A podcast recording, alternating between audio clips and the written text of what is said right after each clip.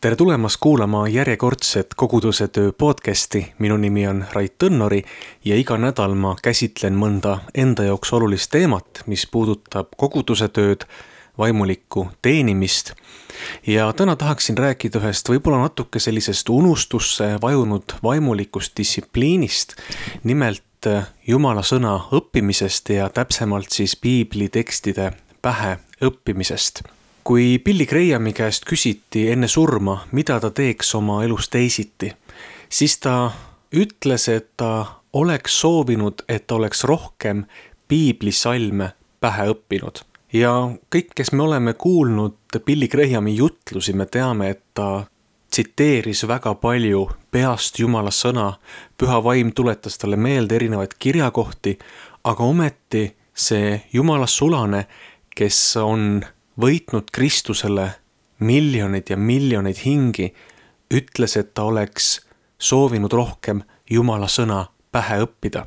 aga reaalsus on nüüd see, ilmselt ei ole selle kohta tehtud statistikat Eesti kristlaste seas, aga enamus kristlasi, enamus koguduse liikmeid ei oska isegi peast nimetada kümmet käsku või siis isegi mitte pooli nendest. ja tänases saates ma luban, et saate lõpus ma tahaksin ka anda sellise hea süsteemi, kuidas kümme käsku omale pähe õppida, nii et sa mitte kunagi enam neid ära ei unusta. et ma õpetasin seda meetodit kasutades oma viieaastasele tütrele kümme käsku selgeks ja need on tal siiamaani meeles.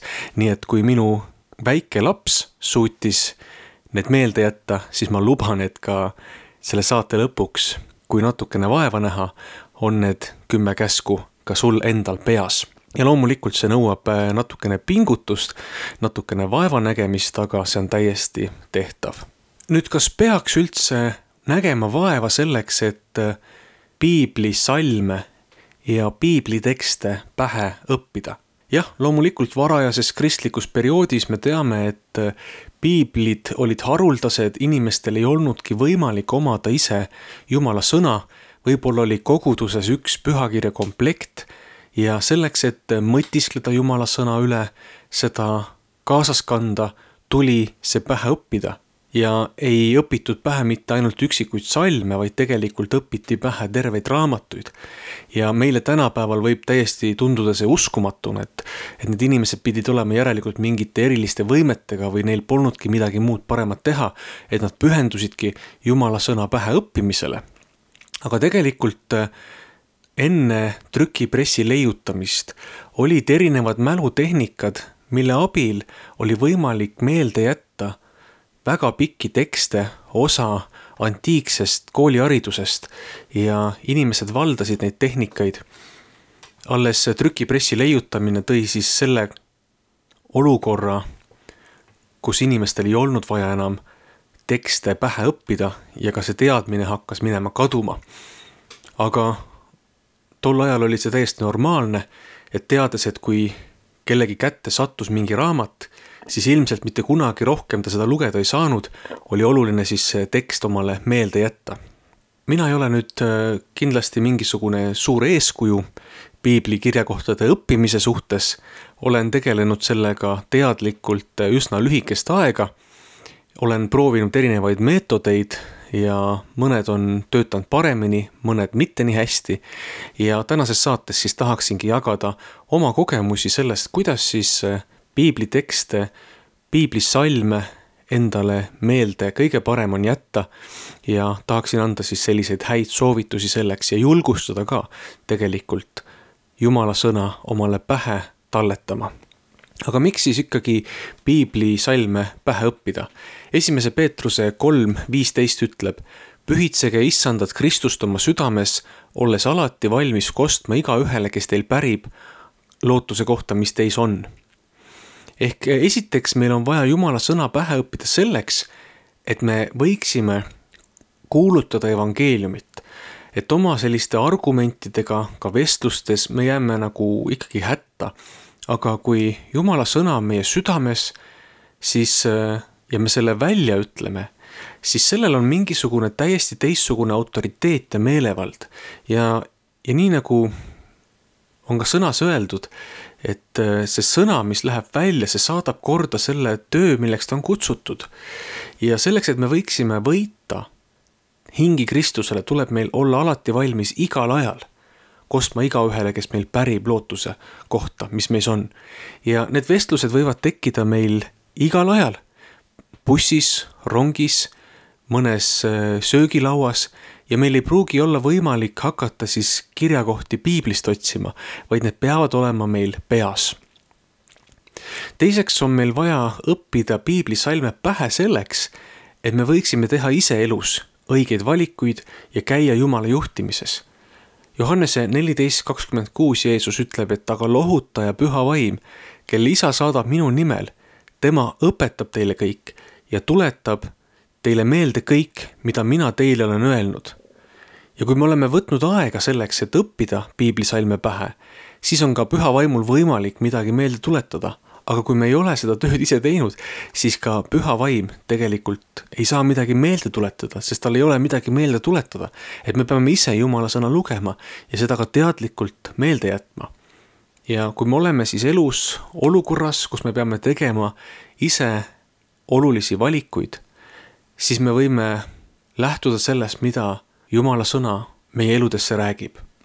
ja kolmas mõte, mis ma tahaksin praegu välja tuua, on see, et äh, meie palveelu oleks kooskõlas Jumala tahtega.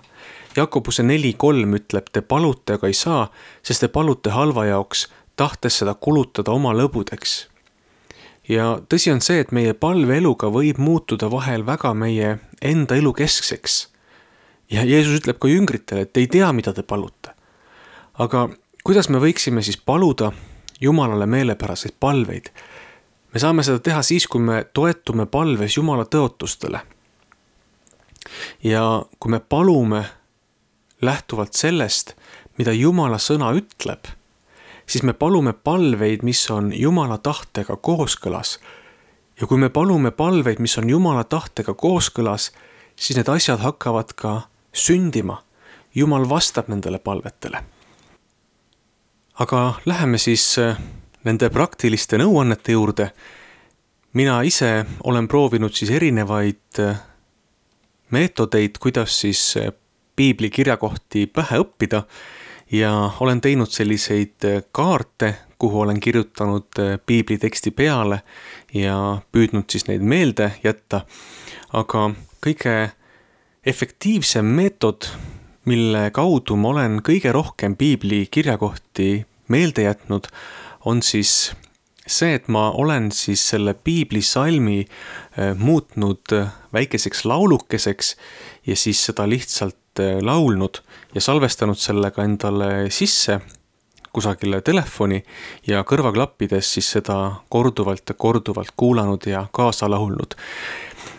Ja see on väga äh, efektiivne meetod selles mõttes, et, äh, et kui me info, mida me tahame meelde jätta, rütmistame ja viisistame, siis äh, on suurem osa ajust kaasatud, et seda meelde jätta.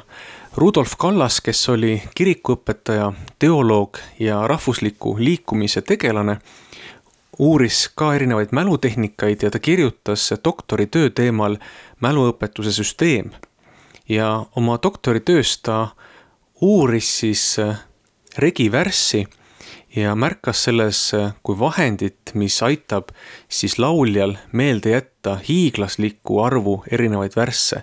et ta vaatas, kuidas äh, laulja, kes oli täiesti lihtne talutüdruk, kellel ei olnud mingisugust haridust, oli meelde jätnud tuhandeid ja tuhandeid laulusalme.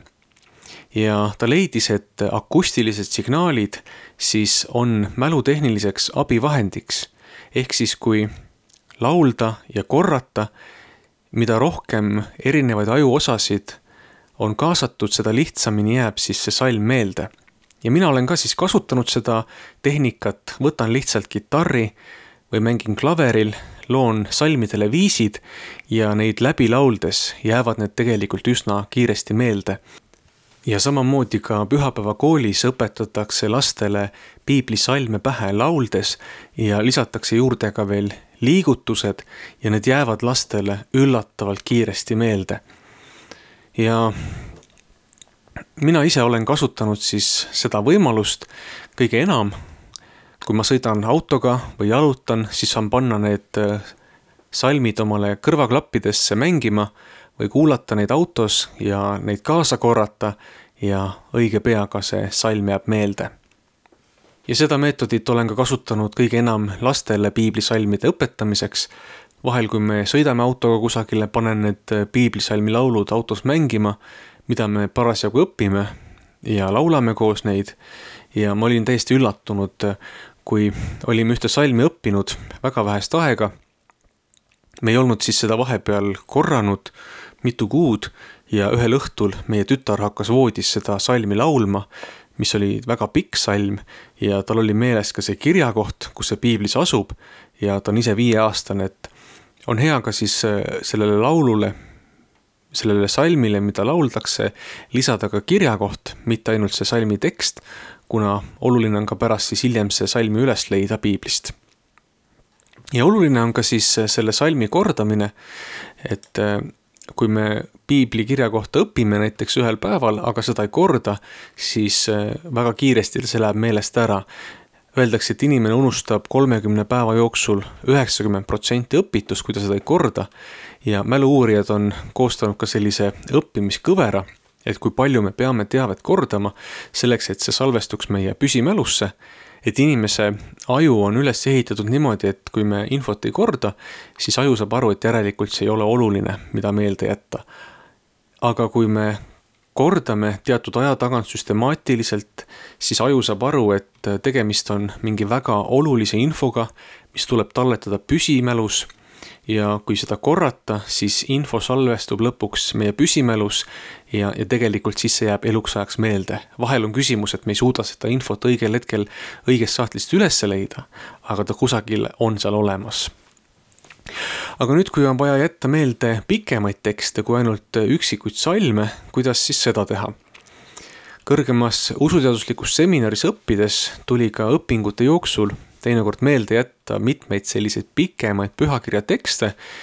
ja kõige pikem tekst, mis mul tuli õppida pähe, oli siis ühe piibliraamatu peatükk, kus oli kokku kakskümmend üks salmi ja paljud tudengid võtsid seda kui piinamist ja ma ise ka arvasin, et mina sellega toime ei tule, aga ma hakkasin siis uurima neid võimalusi, kuidas siis piiblikirjakohti pähe õppida.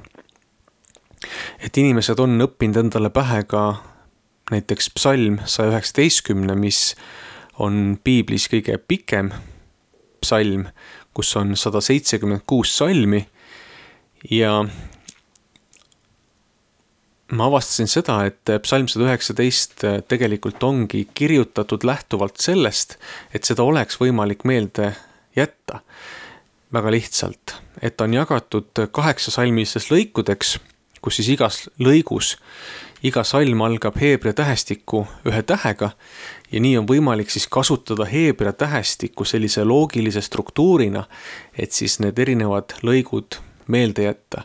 ja need kaheksa salmilised lõigud on jagatud veel kolmeks, mis koosneb siis kolmest salmist, kahest salmist ja kolmest salmist ja ja noh, eesti keeles meil ei ole väga sellega midagi peale hakata, aga kui me tahame jätta meelde mõne pikema teksti, siis see tehnika tegelikult sisuliselt on sama, mida me kasutame siis üksikute salmide päheõppimiseks. aga nüüd meil tekib nagu probleem sellega, et meil tuleb ka need salmid siis õiges järjekorras meelde jätta. ja selleks on võimalik võtta appi selline mälutehnika, mida nimetatakse teekonna meetodiks. Ja teekonna meetod on siis selline mälutehnika, mis kasutab meie kujutlusvõimet et seostada siis informatsioon meile tuntud füüsiliste kohtadega.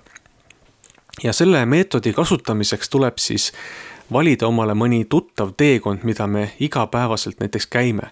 et see võib olla teekond näiteks kodust tööle ja siis me saame asetada siis erinevatesse kohtadesse eh, sellised peatuspunktid, kuhu me saame siis salmiga luua mingisuguse seose. ja see võib võtta natukene harjumist, harjutamist aga pärast äh, selle teekonna paika panemist on tegelikult üsna lihtne jätta ka need äh, salmid meelde õiges järjekorras. Ja see teekonna meetod on selles mõttes hästi tõhus, et ta kasutab siis meie aju loomulikku võimet seostada teavet füüsiliste kohtadega. ja selleks, et siis seda teekonna meetodit natukene selgitada, püüame siis äh, teha selle praktiliselt läbi ja jätame siis meelde kümme käsku. ja selleks äh, me vajame siis äh, kümnepunktilist teekonda ja me võime võtta mingisuguse füüsilise teekonna näiteks äh, enda kodust töö juurde või kusagile mujale punkti. aga kui neid punkte on vähe, siis me saame kasutada näiteks ka teekonnana omaenda keha. ja praegu kümne käsu õppimiseks me kasutamegi siis enda keha. ja esimene käsk siis, mille me leiame, on, et sul ei tohi olla muid jumalaid minu palge kõrval. ja pane oma käsi pea peale. esimene punkt on meie pealagi ja meie peas, meie mõtetes ei tohi olla muid jumalaid. meie mõtetes võib olla ainult üks jumal. siis järgmine punkt on meie nina. nina on siis selline näost eralduv kuju. Ja teine käsk ongi, et sa ei tohi teha endale kuju. see märksõna, see seos, mida me kasutame, on siis kuju. sa ei tohi teha endale kuju. ebajumala kuju ega seda kummardada järgmine punkt meie teekonnal on siis suu ja kolmas käsk on, et sa ei tohi Jumala nime ilmaasjata suhu võtta, et väga hästi jääb meelde. siis neljas käsk on, et äh, sa pead hingamispäeva pühitsema ja nüüd me paneme oma käe siia rinnaku peale, kui me hingame, siis meie rinnak tõuseb. ehk siis äh, jääb hästi meelde, me hingame, sa pead hingamispäeva pühitsema ja viies käsk on, et sa pead oma isa ja ema austama ja paneme nüüd käe oma kõhu peale. ja ema üsas kasvab laps, kes peab siis oma isa ja ema austama. ja nüüd kordame siis. paneme käe pea peale, sul ei tohi olla muid jumalaid minu palge kõrval. teine käsk on see, et sa ei tohi teha ebajumala kuju, nina. kolmas käsk on, sa ei tohi ni-, jumala nime ilmaasjata suhu võtta, suu neljas käsk on, et sa pead hingamispäeva pühitsema, paneme käe siia rinnaku peale, hingame, hingamispäev. ja viies käsk, sa pead austama isa ja ema, väike beebi on siis kõhus. nii et viis käsku on meil peas. ja nüüd äh, jätkame siis teise poolega. kuues käsk ütleb, et sa ei tohi tappa. nüüd võtame selleks teekonnapunktiks oma parema käe, paneme selle rusikasse ja sa võid teha sellise löögiliigutuse, et sa ei tohi tappa. seitsmes käsk on, et sa ei tohi abielu rikkuda. ja mina kannan abielu sõrmust vasakus käes, kuna mulle lihtsalt paremasse kätte see ei lähe ja jääb hästi meelde, et seitsmes käsk, sa ei tohi abielu rikkuda aga sa võid kujutada ette näiteks, et sul on vasakus käes pulmapilt või, või midagi, mis seostub sellega. Ja nüüd äh, paneme kaks kätt ette. see on kaheksas käsk, sa ei tohi varastada, ehk sa ei tohi siis võtta oma kahe käega kellegi vara ja endale võtta seda vara. ja üheksas käsk on, et sa ei tohi oma ligimese vastu anda valetunnistust et siis võid võtta näiteks oma parema põlve ja jalgpallurid vahest, kui seal keegi õrnalt lööb, siis nad kukuvad pikali, hoiavad oma põlves kinni. ja ütlevad siis, et keegi tegi neile viga, et keegi saaks punase kaardi, annavad valetunnistust, et seda ei tohi teha. ja kümnes käsk, sa ei tohi himustada oma ligimese koda. et äh, võtame siis oma vasakust põlvest kinni ja seostame selle kuidagi, et et sa võid ette kujutada, et sa astusid näiteks vasaku jalaga naabri võtmete peale ja mõtlesid, et küll tahaks ise ka elada sellises majas, nagu naaber elab. ja nüüd väikses katekismuses need kümme käsku on jaotatud natuke teistmoodi, et me lähtume praegu sellisest kalvinistlikust jaotusest, mis teise Moosese kahekümnendas peatükis on kirjeldatud, aga kui sa soovid jätta meelde näiteks need äh, kümme käsku sellised, nagu need on väike, väikses katekismuses, siis põhimõtteliselt sama tehnikat äh, kasutades võid sa seda väga suurepäraselt teha. et piiblis ei ole need kümme käsku niimoodi ära nummerdatud ja neid on erinevatel aegadel erinevalt äh, jaotatud aga see oli lihtsalt selline illustratsioon, kuidas siis see teekonnameetod põhimõtteliselt võiks toimuda, aga kui meil on vaja jätta meelde pikem tekst, siis äh, võime näiteks kasutada siis mõnda tuttavat teekonda, mida me igapäevaselt läbime ja asetada need punktid siis näiteks erinevatesse kohtadesse, kellegi tänavanurgale, kusagile aia juurde, mõne posti juurde, erinevatesse punktidesse saame siis need piibli kirjakohad siis asetada. ja see on selline päris äh, tore ja efektiivne viis, kuidas siis need järjekorrad meelde jätta. ja loomulikult seda tehnikat ei saa, ei pea kasutama ainult piibli kirjakohtade päheõppimiseks, vaid tegelikult ükskõik millise nimekirja meeldejätmiseks on see väga hea tehnika.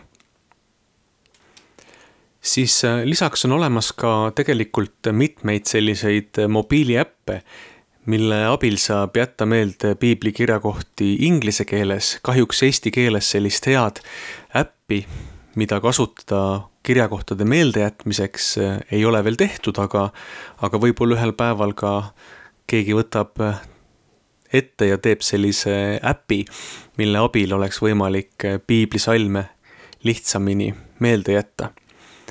ja ja kindlasti neid äh, erinevaid tehnikaid, kuidas piiblisalme meelde jätta, on veel ja veel ja igale ühele võib-olla ei sobi mõni meetod, aga ma julgustan ikkagi püüdma piiblisalme endale meelde jätta.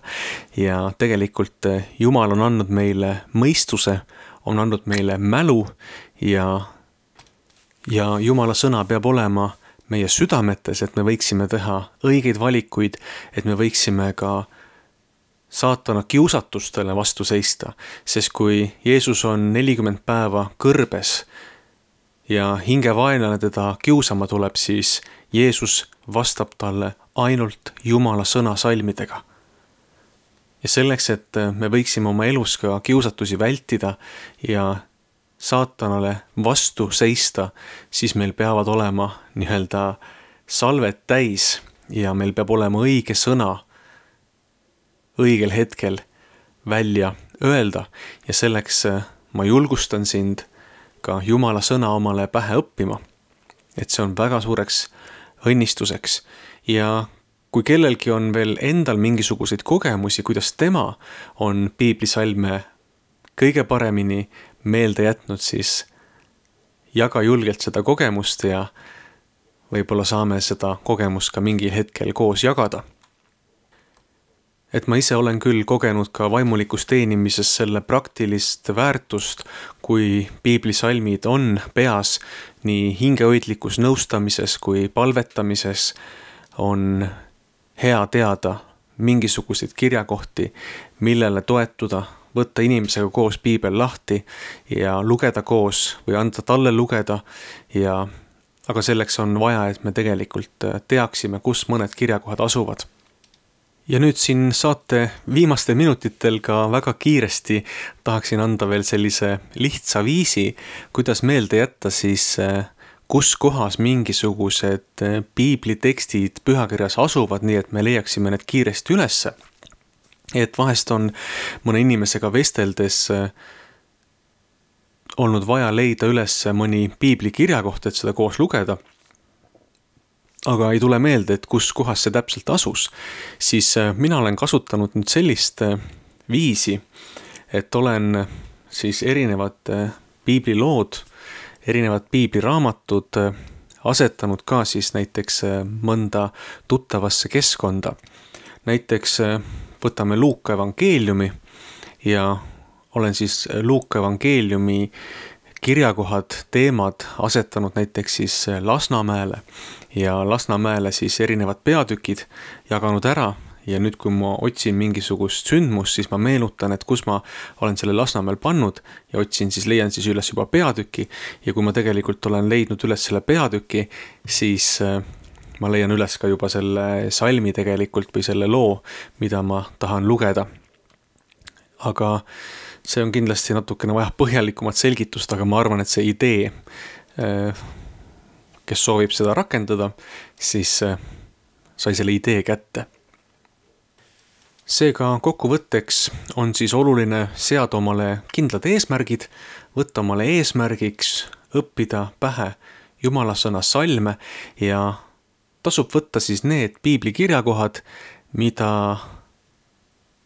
piiblit lugedes püha vaim on esile toonud, mis räägivad meie enda südame vastu ja samuti neid kirjakohti, mis on ka julgustuseks teistele, mis on abiks inimestele evangeeliumi kuulutamisel. ja lõpuks on Jumala sõna pähe õppimine, oma südamesse talletamine meile väga suureks õnnistuseks, sest see hakkab meie enda vaimulikku karakterit kujundama ja me tegelikult muutume enam ja enam Jeesuse sarnaseks. kui meie elus on mingisugused olukorrad, siis me saame toetuda sellele, mida Jumala sõna ütleb ja korraga me hakkame kogema, et tegelikult erinevates rasketes olukordades, tormide sees on meil üleloomulik rahu ja kindlus, et Jumal kannab meid kõigest läbi. nii et julgustan Jumala sõna omale pähe õppima, leia need meetodid ja tööriistad, kuidas seda enda jaoks kõige paremini teha, õpetage oma lastele pühakirja tekste, piiblisalme pähe ja need jäävad sinna kuni elu lõpuni. aitäh kuulamast. minu nimi on Rait Tõnnori ja kuulasite Koguduse töö podcasti.